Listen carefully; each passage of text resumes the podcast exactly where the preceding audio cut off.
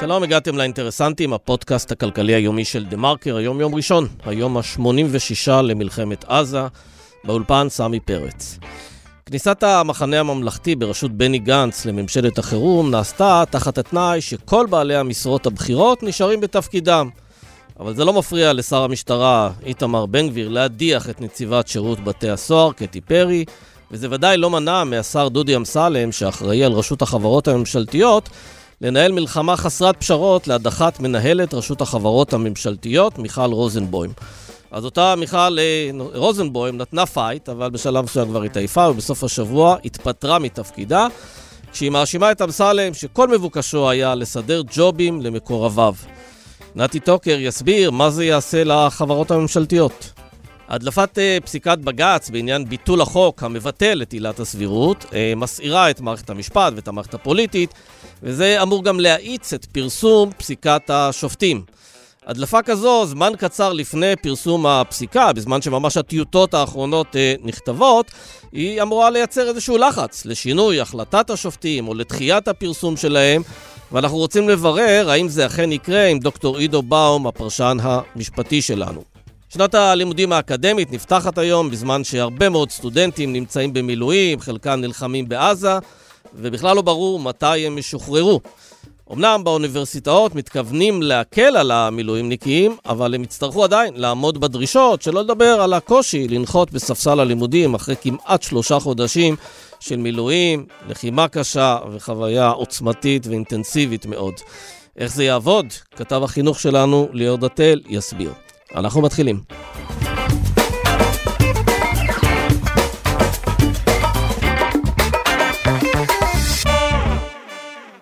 שלום לנתי טוקר. שלום, סמי. אנחנו בענייני רשות החברות הממשלתיות. אה, מנהלת הרשות, מיכל רוזנבוים, הודיעה אתמול, ביום שבת, על התפטרותה, אחרי בעצם חודשים ארוכים שבהם היא מתכתשת, שלא לומר השר הממונה עליה, דודי אמסלם, הוא זה שמתכתש איתה. אבל היא אומרת, אני לא אשב בשורה הראשונה ואצפה בהרס החברות הממשלתיות, היא בעצם מציגה אותו כמי שכל מה שהוא רוצה זה להפוך את רשות החברות לאיזה מפעל אה, ג'ובים, לצבירת כוח פוליטי, לריפוד של כל מיני מקורבים. זו האמת? אי אפשר להימנע מכך, ואני חייב להקדים ולומר, יש פה, אה, מוצגת כאילו תמונה של הטובים והרעים. כביכול כאילו אמסלם הוא הרע, הוא החפץ ג'ובים, מנסה להשתלט ולנצל את הכל המטרות פוליטיות. ומיכל רוזנבוים, יושבת ראש רשות החברות, היא בצד של הטובים. שומרת סף. שומרת סף, אפילו שמה אה, התנוסס בהפגנות אה, נגד הממשלה וכדומה. צריך קצת להקדים ולומר, היוצאות קצת היו, אה, התחלפו. מיכל רוזנבוים, מתי המועמדת מטעמו של אמסלם לשמש יושבת ראש רשות החברות בסיבוב הקודם. וגם מי שמינה אותה בסיבוב הזה הוא חבר הכנסת, שר האוצר לשעבר אביגדור ליברמן, בתמיכה כמעט גורפת. כלומר, היא מקושרת, מחוברת, היא יודעת טוב מאוד לעשות את העבודה בתוך uh, מסדרונות הממשלה, גם בצד השני. אבל איכשהו הדברים באמת uh, uh, נוצרו תודעתית. וגם מעשית, שאמסלם באמת נמצא בצד שמנסה להשתלט על רשות החברות, ורוזנבוים בצד שמנסה למנוע ממנו את ההשתלטות הזאת, באמת התפתח ביניהם קרב אגרסיבי אבל מאוד. אבל אתה יודע, אבל לפי מה שאתה אומר, אם אה, אנחנו יודעים שאמסלם באמת רוצה מאגר ג'ובים, ואם אנחנו יודעים שהיא מכירה את אה, חוקי המשחק, היא יוצאת ובאה במסדרונות השלטון ויודעת איך עובדת השיטה, אז אה, לכאורה יכלו השניים לגנוב סוסים ביחד, וזה לא קרה. איפה בעצם אה, נוצר הקלאש הזה, ההתנגשות הזו? זה הנעלם הגדול. כנראה, אני מעריך שבאמת העובדה שהיא מונתה בסופו של דבר על ידי הממשלה הקודמת, על ידי ליברמן, זה הפך אותה למסומנת. כבר אה, עם מינויה, והקרב בעצם היה מבני. את, את, את אה, נציגה או מינוי של הממשלה הקודמת, אנחנו צריכים להחליף אותך, ומשם זה רק הלך ו... אגב, יכול להיות שהיא נכנסה לתפקיד, נכון, אולי הגיעה לתפקיד בזכות זה שהיא מקושרת ומחוברת, אבל יכול להיות שברגע שהיא נכנסה לתפקיד, אז uh, החליטה להיות uh, אדם רציני, שבאמת כן. ממנה אנשים ומסתכל על uh, ניהול ענייני של רשות החברות. ומפנה גב צריך, לדרג הפוליטי ולצרכים שלו. אני מסכים לחלוטין, צריך לתת, לתת קרדיט לה, וראינו מקרים כאלו בעבר, ראינו מבקרי מדינה שכולנו חשבנו שהם הם, קיבלו את התפקיד רק אחרי ראיון אצל שרה וכדומה, וחשבנו שהם יהיו נורא נורא הם, צייתנים, ובסוף, אליהו שפירא, בסוף הם היו אה, אה, ביקורתיים, וראינו מהם הרבה דברים, אה, כשמגיעים לתפקיד, כשהם מתיישבים על הכורסה ומקבלים את העצמאות שלהם, פתאום אולי קורה משהו טוב, זה גם יכול להיות מה שקרה פה. רוזנבוים באמת נלחמה נגד אמסלם, ניסתה באמת להוביל מהלכים חיוביים ברשות החברות, לח, להתחדש. יש לה גם בעיות אישיותיות, ניהוליות, יש לה סוגיות ההתנהלות האישית שלה, יש שתי תביעות עכשיו שממתינות על הפרק, ויש אה, טענות של עובדים בתוך רשות החברות על התנהלות, זה דברים שקיימים, גם את זה אפשר לטאטא מתחת לשטיח, אבל בסוף באמת אמסלם מנסה להשתלט, ורוזנבוים ניסתה למנוע את זה ממנו, וזה דברים שקורים גם במהלך הלחימה, גם, גם ב, ב, לפני שבוע, אתה יודע, כשסוף שבוע האחרון היה סוף שבוע אחד מהקשים ביותר מבחינת uh, ספירת ההרוגים, וממש בתחילת השבוע אמסלם מכנס דיון, ואומר שם איך אני עושה שוועדת המינויים, כלומר הוועדה שממנה את כל הג'ובים בחברות הממשלתיות, הדירקטורים, המנכ"לים, איך אני עושה שוועדת המינויים הזאת לא תישלט על ידי רשות החברות. כלומר, לא יהיה איזה גוף מקצועי, איזה שומר סף, שיגיד לוועדה מה טוב ומה לא טוב, לא ימליץ לה. ובעצם המטרה שלו היא שוב להשתלט ולקבל אה, עוצמה בלתי, נש... בלתי מוגבלת למנות את חבריו, או כמו שהוא ציין בעצמו, הוא אמר את זה במפורש ב... באחד הראיונות, הוא אמר למנות את מי שאני מכיר, אני ממנה את מי שאני מכיר. אז למנות את חבריו לתפקידים... אגב, אני לא מופתע שהוא ממשיך אה, לטפל בעניין הזה. ולנסות uh, לחסל אותה בעצם. Uh, הוא לא חבר בקבינט המלחמה, הוא לא חבר בקבינט הביטחוני, מדיני. Uh, יש לו את הזמן לנהל תראה, את קבינט המלחמה שלו ברשות החברות. תראה, על פניו הוא עומד בראשות משרד שכן רלוונטי, המשרד לשיתוף פעולה אזורי. יש לו איזה... כן. אמור להיות לו איזה השפעה על, על האזור. קורה משהו באזור, כן. אה, אבל, אבל לא, המשפט שלו כמובן לא רלוונטי, לא עושה שום דבר כן. שקשור. טוב, בוא רגע נדבר, אה, מה זה בכלל רשות החברות למי שלא יודע? זה בעצם הרשות מטעם הממשלה שאחראית על כל החברות הממשלתיות, ואנחנו מכירים אה, את חלקן, את חברת החשמל, חשמל, דואר, דואר, מקורות, רכבת ישראל, רכב... רשויות שדות התעופה, נמלים וכדומה, גם הן. חלק מהחברות הממשלתיות. יותר מ-50 uh, חברות ממשלתיות, uh, 50 אלף עובדים, אם מישהו רוצה להבין את הקנה מידה. חלק מהחברות מפוקחות על ידי משרד ייעודי, למשל רכבת ישראל, משרד התחבורה רלוונטי, אבל הרבה היבטים שקשורים לניהול של החברות האלו מפוקח על ידי רשות החברות, בעיקר בנושא של מינויים. של דירקטורים בהקשר הזה, נמצאת שם רשות החברות וממליצה לוועדת המינויים את מי להמליץ, את מי למנות לתפקידי דירקטורים. היא אחראית על נבחרת הדירקטורים, זו נבחרת מאוד יוקרתית, רק מי שנמצא ברשימה הזאת לכאורה אמור להיכלל ברשימת הדירקטורים. ואמסלם קיבל לידיו סמכויות רבות שקשורות לחברות הממשלתיות כבר בהחלטת הממשלה בהסכם הפוליטי לפני, uh, באוקטובר, אבל מה שקרה בראשון לינואר, מה שקורה, יקרה בראשון לינואר, זה שרשות החברות עצמה, הגוף הזה, יעבור מ- מיחידה בתוך משרד האוצר ליחידה בתוך המשרד שלו, בתוך המשרד לשיתוף פעולה אזורי. וזה אומר שהוא לא רק צריך לחתום כדי, למשל, להעביר דיבידנד, או צריך לחתום כדי למנות מישהו, אלא הוא גם יכול לשלוט בתקציב של הרשות, ובכל מכרז שלה, ובכל מינוי שלה, וממש יום-יום הוא יושב, אמור, היה אמור לשבת כן. למיכל רוזנבוים על השולחן ולהגיד מה, מה כן. היא עושה ולאשר את זה. אנחנו יודעים את מי הוא רוצה למנות במקומה? יש לו אפשרות למנות ממלא מקום, אני לא יודע מי הוא ממנה, אבל סביר להניח שהוא ימלא מישהו שלא אה, יגלה אותם אה, ניצני עצמאות, כל מי שימלא, יגלה זה, אפילו... אגב, זה במקור, מה שנקרא. הוא מעדיף מישהו שיהיה נאמן לו ושלא יגלה סימני עצמאות, אבל שוב, יכול להיות מצב שבו אתה, אתה מביא מישהו והוא מבין את כובד האחריות. פורס כנפיים. כן. לא, הוא גם מבין את חובתו החוקית לבוא ולעשות את הדברים לטובת החברות, לטובת האינטרס הציבורי ולא לטובת השר שלו. זה אבל, נדיר, אבל... כשזה קורה זה תקלה. לרוב, המינויים שהפוליטיקאים ממנים הם אנשים שממנים אותם כדי שהם... אה, יבצעו את מדיניות, ההגדרה המכבסת, המלבינה. מדיניות זה, השר. מדיניות כן. השר. מדיניות השר אתה... לסדר את חבריו. אבל תגיד, נגיד שבאמת הוא שם שם מינוי של חבר שלו, ואותו חבר שלו באמת אה, עושה את דברו. איזה בלמים קיימים כדי למנוע מצב שבו עכשיו כל החברות הממשלתיות מתחילות לקבל מינויים בעייתיים, מפוקפקים, לא איכותיים? איזה, איזה בלמים יש בחוק או במסגרת שומרי הסף הנוספים? הרבה... ועדות איתור, אה, יועצים משפטיים למיניהם. הרבה פחות בלמים. אני אתן לך דוגמה, למשל, נבחרת הדירקטורים, זו נבחרת שנוסדה כמעט לפני עשור, והייתה אמורה באמת לסנן מועמדים שימונו על החברות הממשלתיות, הם הדירקטורים, הם הבורדים שמובילים את המדיניות של החברות הממשלתיות. צריך להגיד שזה היה בתקופה של יאיר לפיד כשר האוצר, נכון. אה, דודי אמסלם ויאיר לפיד לא... ואמסלם, לא. אמסלם מנסה לבטל את זה כבר הרבה זמן, אבל הוא לא צריך לבטל את זה, כי יש היום מסלול עוקף. אגב, עשתה את זה הממשלה הקודמת גם עם עמיר פרץ. בני גנץ מינה את עמיר פרץ, למרות שבעצם הוא, הוא לא, לא היה חלק מנבחרת. אבל איך, איך מקפים אותו? מגדירים אותו כתואם דירקטור. אם באה רשות החברות ואומרת, רגע, האיש הזה בעצם יש לו את אותם כישורים של אותם חברי נבחרת הדירקטורים, אני יכול גם להעביר אותו במסלול עוקף. אז כדי להעביר אותו במסלול עוקף, צריך את רשות החברות, צריך המלצה של שומר סף חיצוני עצמאי, שאומר, אנחנו חושבים שהוא באמת תואם דירקטור ואפשר להעלות אותו לוועדה. אמסלם רוצה לבטל את זה. אמסלם רוצה שכל אחד שהוא כביכול תואם דירקטור, שיש לו תנאי סף בסיסיים לחלוטין, יהיה אפשר להעלות אותו לוועדת המינויים. ובוועדת המינויים אני מזכיר שהוא גם מינה שופטת במילוי מקום, גם שם למעשה הוא מנסה לפחות אה, אה, לבצר את שליטתו, והמשמעות היא שכל מקורב של אמסלם, כמעט כל אחד, יוכל להתמנות לדירקטור, והם עושים את זה בלי הגבלה. רק עכשיו הם מינו למשל לדואר את דוקטור יפעת בן חי שגב, שאומנם הרזומה המקצועי שלה מאוד מאוד גבוה, אבל יש שם כשל מאוד מרכזי, העובדה שהיא עדה, עדה שהפכה את אה, עדותה, או, או אה, הייתה בעצם מאוד... אה, צידדה, צידדה לצד אה, ההגנה בעדות שלה, והיא פתאום... במשפט נתניהו, משפט נתניהו, כן, משפט תיק 4000. כן. והיא פתאום, כי היא הייתה יושבת ראש מועצת הכבלים הלוויין, היא הייתה שם מעורבת מאוד בתיק 4000, והיא פתאום אה, הופכת להיות דירקטורית בדואר, אז יש שם הרבה דברים שככה לא, לא מחליקים בגרון, ועכשיו יש הרבה פחות שומרי סף שינסו לפחות להיאבק בזה, או לפחות להביע, להביע עמדה אה, מנוגדת. כן, אז היא בעצם אה, נתנה פייט. אנחנו רואים, אגב, יש עוד כמה, אה, נקרא לזה שומרי סף. כמובן, היועצת המשפטית לממשלה, גלי בהרב מיארה, שגם היא תחת מתקפה מאוד גדולה. יש את מיכל כהן, שהיא יושבת ראש רשות התחרות, שהיא תחת מתקפה של השר שלה, ניר ברקת. יש את אה, קטי פרי, שהיא יושבת, אה, שמנהלת אה, שירות בתי הסוהר, והשר שלה גם רוצה להדיר.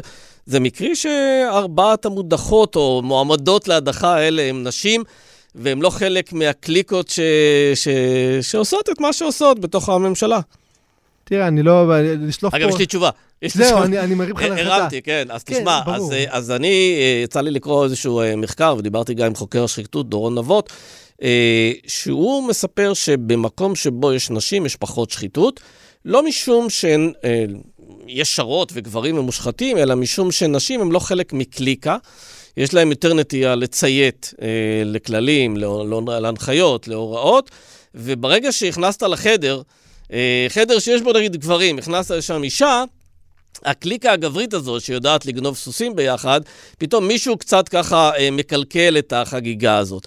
וכשאתה רואה באמת שהם נפטרים מעוד ועוד אה, אה, רגולטוריות, או שומרות סף, או גורמים מהסוג הזה, אתה מבין שמשהו בשיח של הממשלה המאוד מאוד גברית הזו, אפשר להגיד עליה עוד הרבה, היא מאוד דתית, מאוד ימנית, מאוד קיצונית, מאוד זה, אבל היא גם מאוד מאוד גברית, אין כמעט מנכ"ליות בשירות, ה, בשירות הממשלה. אתה לא רוצה שנשים כאלה יפריעו לך בין הרגליים כשאתה רוצה לקדם אינטרסים אה, פוליטיים. ואני לוקח את זה חזרה למשרד האוצר. תראה, במשרד האוצר, סמוטריץ' היו לו כמה מינויים, אה, לא מעט מינויים לבצע, ואף אחד מהם לא אישה.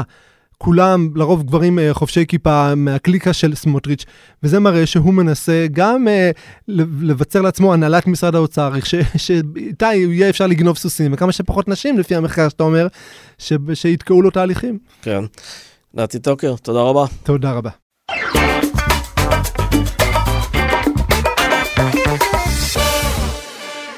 שלום לדוקטור עידו באום. שלום סמי. הפרשן המשפטי שלנו. אה, אנחנו עדיין בענייני ההדלפה של אה, פסיקת בג"ץ בעניין ביטול החוק שמבטל את עילת הסבירות. זה כמובן עדיין מסעיר מאוד את מערכת המשפט, המערכת הפוליטית.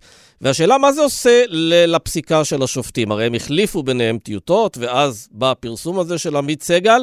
הוא יצר איזושהי דינמיקה אחרת לגבי אה, פסק הדין הסופי, הדינמיקה של העבודה בין השופטים? למיטב ידיעתי לא, נוצרה, לא נוצר שינוי בדינמיקה שאמור להשפיע על האופן שבו השופטים אה, עובדים. כן, כינסו את השופטים בבית המשפט העליון ב...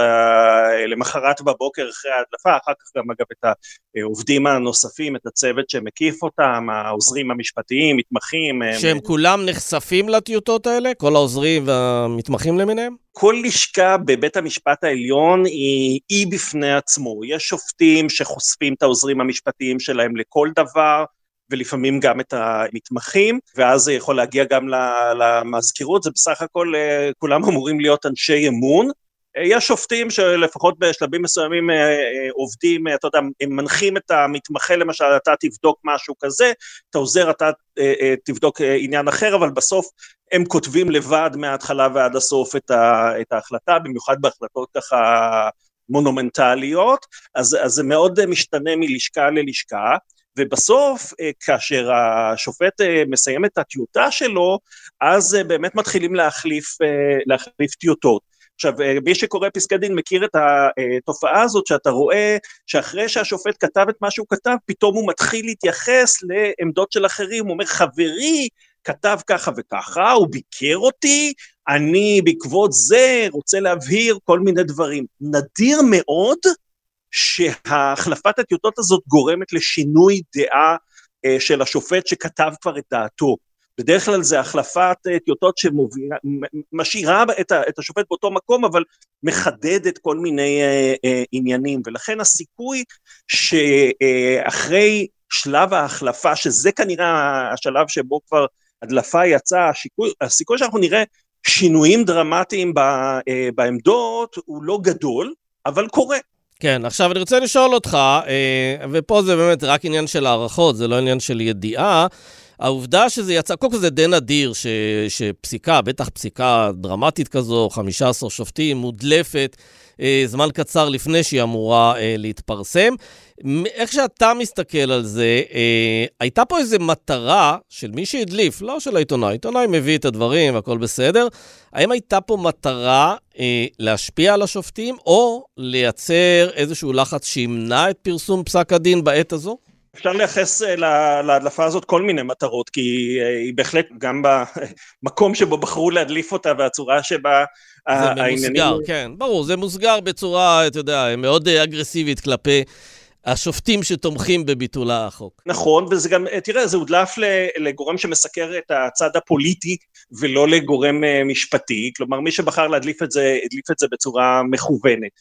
ולכן אני חושב שזה גם נועד לערער את הלגיטימציה שיש לפסק הדין הזה אה, מבחינת, אה, מבחינת בג"ץ, והערעור הזה עובד גם מבחינת אה, העיתוי, כלומר הניסיון להציג את זה כבג"ץ מפלג, בשעה שמי שחוקק את, חוקי ההפיכה המשטרית הזאת עשה עבודת פילוג מצוינת בפני המש... עצמו. הממשלה פילגה, בג"ץ מנסה לתקן. כן. כן, וגם uh, להציג את בעיית הלגיטימציה של תוצאה שנראית 8-7 בתוצאה הסופית, לפחות ככה אל, אלה דברים השתנו, 8-7 מבחינת פסילת החוק, שזה גם תוצאה צמודה, וגם כמו שזה נראה, זה חלוקה על פי העמדות הליברליות השמרניות, או השמרניות של, ה, של השופטים, שזה אומר שבעצם אה, כאילו חלוקה פוליטית, השופטים שמונו כי הם שופטים ליברליים אה, פסקו לכיוון אחד, ואלה שפסקו שמרנים פסקו לכיוון אחר, ואז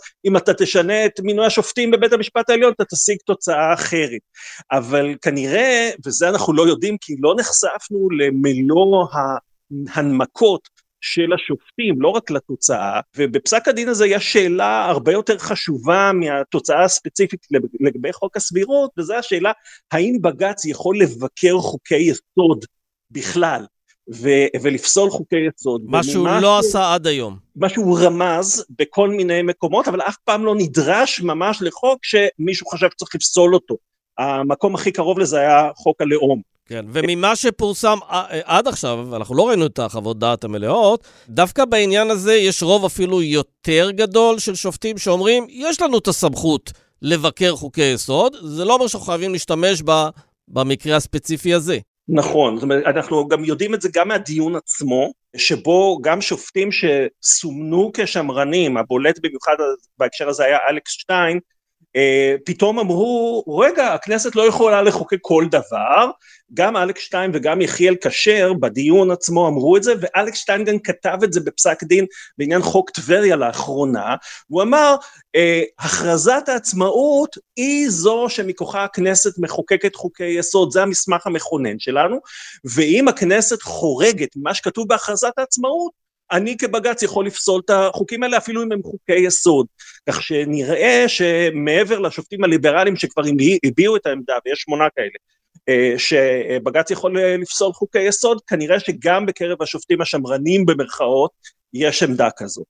כן, תגידי עכשיו, אם הממשלה כל כך לא רוצה שבית המשפט אה, ייקח לעצמו את החירות לפסול חוק יסוד, היא הייתה יכולה לבוא ולמשוך את החוק הזה באיזושהי צורה, להגיד שהיא עוד עושה עליו כל מיני עבודות, להגיד שהיא מנסה להגיע להסכמה רחבה יותר, אבל היא לא עשתה את זה. היא לא עשתה את זה כי אולי היא רצתה לקבל את פסק הדין הזה במובן של, תראו, מה שאמרנו לכם, זה מה שקרה.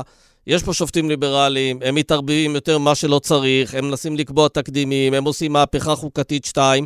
כלומר, במובנים מסוימים זה משרת את הטיעון הזה שהם מנסים להגיד על בית המשפט כל השנה האחרונה? אני חושב שכן, ואני אה, חושב שמי שהחליט לקדם דווקא את, אה, את הנושא הזה, אה, עשה את זה כנראה משיקולים אסטרטגיים, כי אה, אם אנחנו ככה נחזור אחורה, אתה יודע, אנחנו אה, השבוע נציין נדמה לי שנה לאותו נאום אה, מונומנטלי ברביעי בינואר, בהחלט. יום חמישי הקרוב הזה, אה, שנה לאותו נאום שהוציא את ההפיכה המשטרית לדרכה, אז היו עוד חוקי יסוד שהונחו על, על שולחן הכנסת, עברו בקריאה ראשונה והכנה לקריאה שנייה ושלישית ונמצאים בקנה, עד היום הם נמצאים בקנה, שהשניים הבולטים שבהם זה חוק אחד שמונע בכלל מבג"ץ לדון בחוקי יסוד. עכשיו, למה לא קידמו דווקא את, החוקים האלה? אני חושב שעשו בעצם ניסוי, בחרו את נושא עילת הסבירות כ, כניסוי ואיתו הלכו קדימה. נכון, אתה צודק שאפשר היה לעצור את זה, ואז, ואז בג"ץ לא היה דן בנושא הזה והיינו מגיעים למצב אחר, אבל גם עכשיו, גם עכשיו, נניח שתהיה תוצאה שבג"ץ אה, פוסל את uh, ביטול עילת הסבירות ומחזיר את עילת הסבירות על כנה, uh, זה לא מונע מהכנסת להביא אפילו תוך 24 שעות, הקואליציה יכולה לעשות הליך מואץ, להביא למשל את חוק יסוד, החוק היסוד הזה שנמצא בקנה, שאומר שבג"ץ לא יכול לדון יותר בחוקי יסוד. גם זה אגב כמובן יותקף אה, בעתירה לבג"ץ בפני עצמו, אבל הבג"ץ אה, שידון בזה כבר יהיה בג"ץ בהרכב של כרגע 13 שופטים עם רוב שמרני, אה, אז אני לא יודע מה תהיה התוצאה, או במילים אחרות, אני, אני חושב שעשו כאן איזשהו ניסוי, כלאו את בג"ץ לתחילתה של שרשרת של בחינת חוקי יסוד מאוד מאוד מאוד בעייתיים, ובהחלט יש אפשרות שהמשבר החוקתי הגדול הוא לא נגמר עכשיו, אלא הוא בדרך ויש עוד פרקים.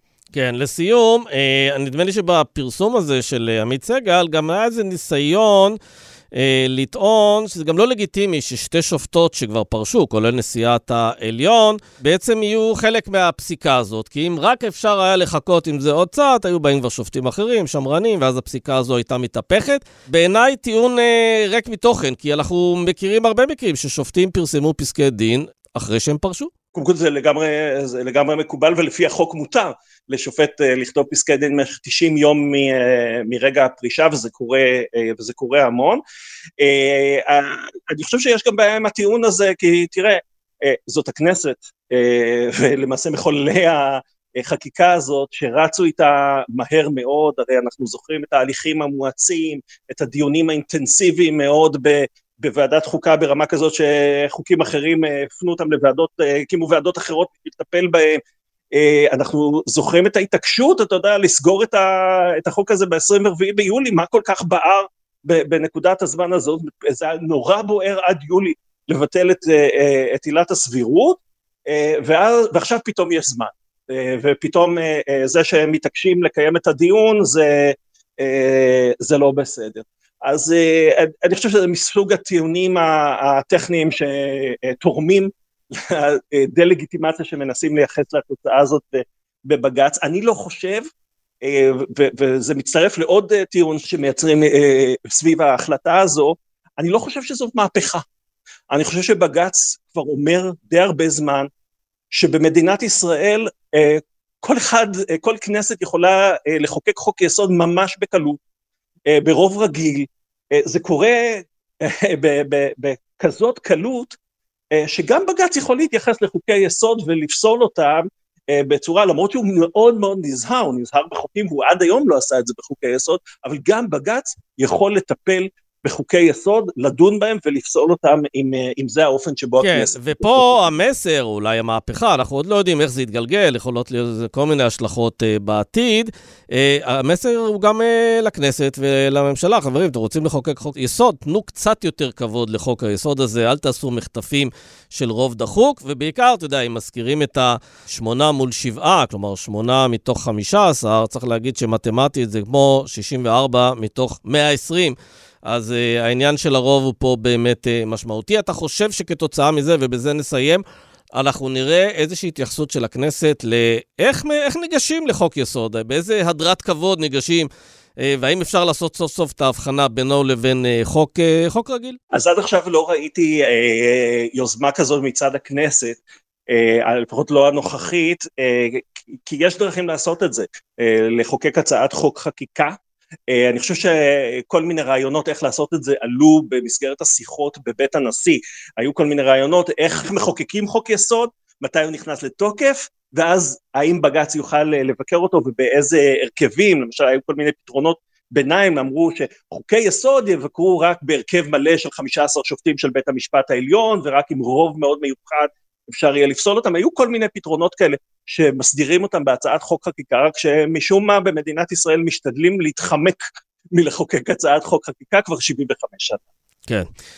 יפה. דוקטור עידו באום, אנחנו עוד נידרש לעניין הזה, אני מניח שזה יקרה בשבוע, שבועיים הקרובים, שתתפרסם הפסיקה.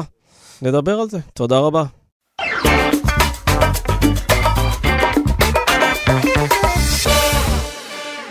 שלום לאליאור דתל. שלום סמי.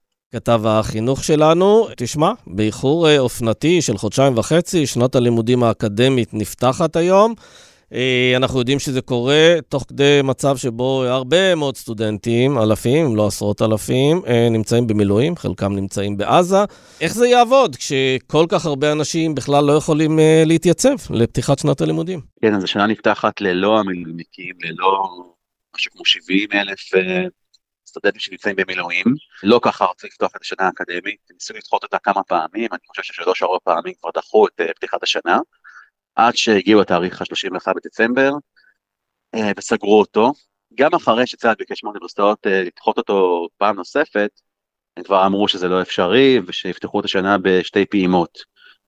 הראשונה לסטודנטים שלא במילואים, כמו בסטודנטים, והשנייה בהמשך, כשהמילואימניקים יחזרו ויוכלו לחזור ללימודים, ואז שאר הסטודנטים יצאו לחופשה, והמילואימניקים יקבלו שיעורי השלמה בתוך, ה, בתוך הקמפוסים. זה מתווה מאוד מוזר, ויש כמה, כמה מוסדות להשכלה גבוהה, כמה מכללות ואוניברסיטה אחת הטכניון, שהודיעו על מתווה אחר של דחייה נוספת ל-14 בינואר, ובכל מקרה, השנה הזו נפתחת במשבר, למרות שיש סימנים מעודדים שחזרה לשגרה וחזרה ללימודים, אה, אי אפשר להתעלם מהמשבר באקדמיה, גם בגלל אה, עשרות אלפי אה, סטודנטים שלא יכולים לחזור. כן, אבל אתה יודע, אני שמעתי אתמול את ראש הממשלה בנימין נתניהו מדבר על כך שהמלחמה תימשך עוד זמן רב. אז עם כל הכבוד לפעימה השנייה, שאני מבין שהיא בעוד שלושה שבועות, אף אחד גם לא מבטיח, אה, בוא נאמר ככה, אם המלחמה נמשכת עוד זמן רב, אף אחד גם לא מבטיח שבעוד שלושה שבועות אנשי המילואים ישוחררו. אה, יש איזו התחייבות כזאת של מערכת הביטחון לאקדמיה, שהדברים יתכנסו? אז בצה"ל אה, בפעם האחרונה אמרו לאוניברסיטאות, חכו עוד שבועיים, שלושה, ויותר מילואים תשתחררו, וזה יכול להיות נכון, יכול להיות גם שלא, כי באמת אף אחד לא מבטיח ש... אף אחד לא יודע מה, מה יקרה. ככה שלא בטוח שדחייה נוספת רק אחד עוזרת. עכשיו בכל מקרה, גם אה, יכול להיות מצב שבו יישארו סטודנטים במילואים ולא יוכלו בכלל להתחיל את הלימודים בזמן, כי הסמסטר הזה המקוצר יימשך משהו כמו 11-12 שבועות, אז יכול להיות שיהיו סטודנטים שיפסידו את כולו, או את, אה, או את רובו, ואז השאלה היא האם הם יוכלו לחזור ולהשלים פערים, או שבעצם אה, ידחו את הסמסטר וככה תידחה להם שנת הלימודים, או שפשוט ינשרו ויש פה באמת סכנה לדחיית לימודים של עשרות אלפי סטודנטים, או אפילו נשירה מאוד מאוד גדולה. כן, אגב, אתה יודע לא ש... רק שמילואימניקים בכלל. כן, אתה יודע שגם כשהם אה, ישתחררו, נגיד שמילואימניקים משתחררים, יוצאים אחרי לחימה של שלושה חודשים בעזה, משתחררים בעוד שלושה שבועות, אני לא בטוח שאתה יודע, ביום שבו אתה משתחרר ממילואים, אה, בטח אחרי תקופה מאוד קשה, מאוד אינטנסיבית, באמת, עם חוויות מאוד עוצמתיות, אה, בכלל אתה יכול להתיישב אה, בכיף, בכיף שלך בכיתה ולהתחיל ללמוד. אני הפניתי את השאלה הזו לנשיא אוניברסיטת תל אביב, אריאל פורט, פרופסור אריאל פורט. הוא אמר, כן, זה נכון, אנחנו לא, אנחנו לא באמת אה, יודעים איך לטפל בעניין הזה ש... סטודנט מגיע, וכן, הוא לא בטוח מיד מתרכז ונכנס ללימודים. כן, זה נראה לי, נראה לי ברור, וגם אף אחד לא שאל גם את אנשי המילואים, האם, האם הם יוכלו לעשות את זה, נגיד שהם ישתחררו, האם באמת הם יחזרו ללימודים מיד אחרי השחרור שלהם ומה התוכנית של העתיד. אה, וכל אוניברסיטה ניסתה לעשות איזשהו מערך סיוע למילואימניקים, שזה מערך אה, נפשי, פלוס הפעילות אה, אקדמיות, פלוס מלגות בחלק מהמקרים, אבל אני חושב שזה המינימום שאפשר לעשות, וברור שצריכה להיות תוכנית ממשלתית יותר רחבה של טיפול באנשי המילואים, שתכלול גם את המרכיב הזה של של האקדמיה, ולא רק אה, לבקש מכל מוסד לעשות את ההתאמות הנדרשות. אוקיי, okay, אתה מרגיש שראשי המוסדות האקדמיים אה, מתאמצים, יוצאים מגדרם כדי לתת פתרונות?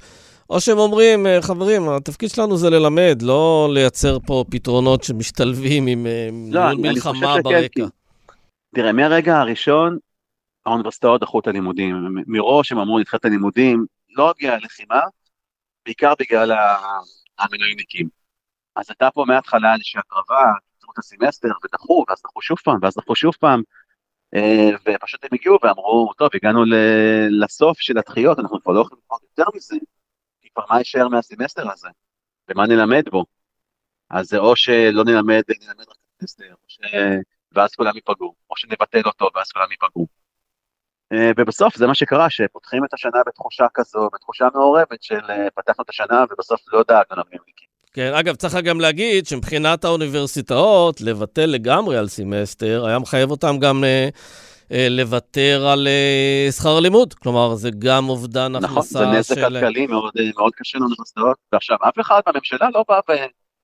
לא הייתה תחושה של, של הממשלה אכפת, אם כבר מדברים על זה. האוניברסיטאות שברו את הראש. אה, בינם לבין עצמם ומול צה"ל. אבל לא ראיתי אף אחד בממשלה אומר, אה, רגע, יש לי פה תוכנית, יש לי מתווה, נשקיע כך וכך, יש איזושהי תוכנית של המל"ג אה, למלגות וסיוע, אבל, וסיוע בעיקר בתל חי ובספיר, אבל לא איזשהו משהו מגובש ומקיף שיתמוך במילואימניקים. אז גם האוניברסיטאות לא יכולות להיכנס לנהלי המדינה. אי אפשר גם לדרוש מהם שימצאו את הפתרונות למילואימניקים, ובסוף גם לבקר אותם על פתרונות שהם לא מספיק אה, טובים ולא מספיק אה, מועילים לכולם. כן. שר החינוך, אגב, אה, נמצא בעובי הקורה, מנסה לתת פתרונות, מביא רעיונות, מביא תקציבים לטובת הסוגיה הזאת, או שהוא פסיבי? העיסוק שלו בזה היה מאוד, מאוד מזערי, לפחות זה מה שנראה כלפי חוץ. האוניברסיטאות די קבעו את הסיפור הזה מול צה"ל, ואז שצה"ל ביקש לדחות את זה בעוד שבועיים לאמצע ינואר, אז בהתחלה הוא תמך בזה, אחר כך אה, כשהם קיבלו את ההחלטה על אה, פתיחת השנה עם ההפסקה הזו באמצע, עם הפעימה השנייה, אז הוא בירך על זה. אה, העבירו החלטה בות"ת של המל"ג להשקיע 500 מיליון שקל במילואימניקים ובשכר לימוד בספיר ובתל חי, אבל מעבר לזה לא, לא ראיתי משהו יותר מדי גדול. ובאמת 60 אלף אנשים שאמורים ללמוד כרגע ולא יכולים להגיע ללימודים כי הם, כי הם במילואים, היה אמור להיות פה מענה מעבר לזה שנותנות האוניברסיטאות. כן. אוקיי, אנחנו נבדוק כמובן בימים, בשבועות הקרובים, איך הדבר הזה אה, מתרחש, בעיקר כשיש פה הרבה מאוד נעלמים שקשורים באנשי המילואים, אה, סימני שאלה גדולים. ליאור דתל, תודה רבה. תודה, סמי.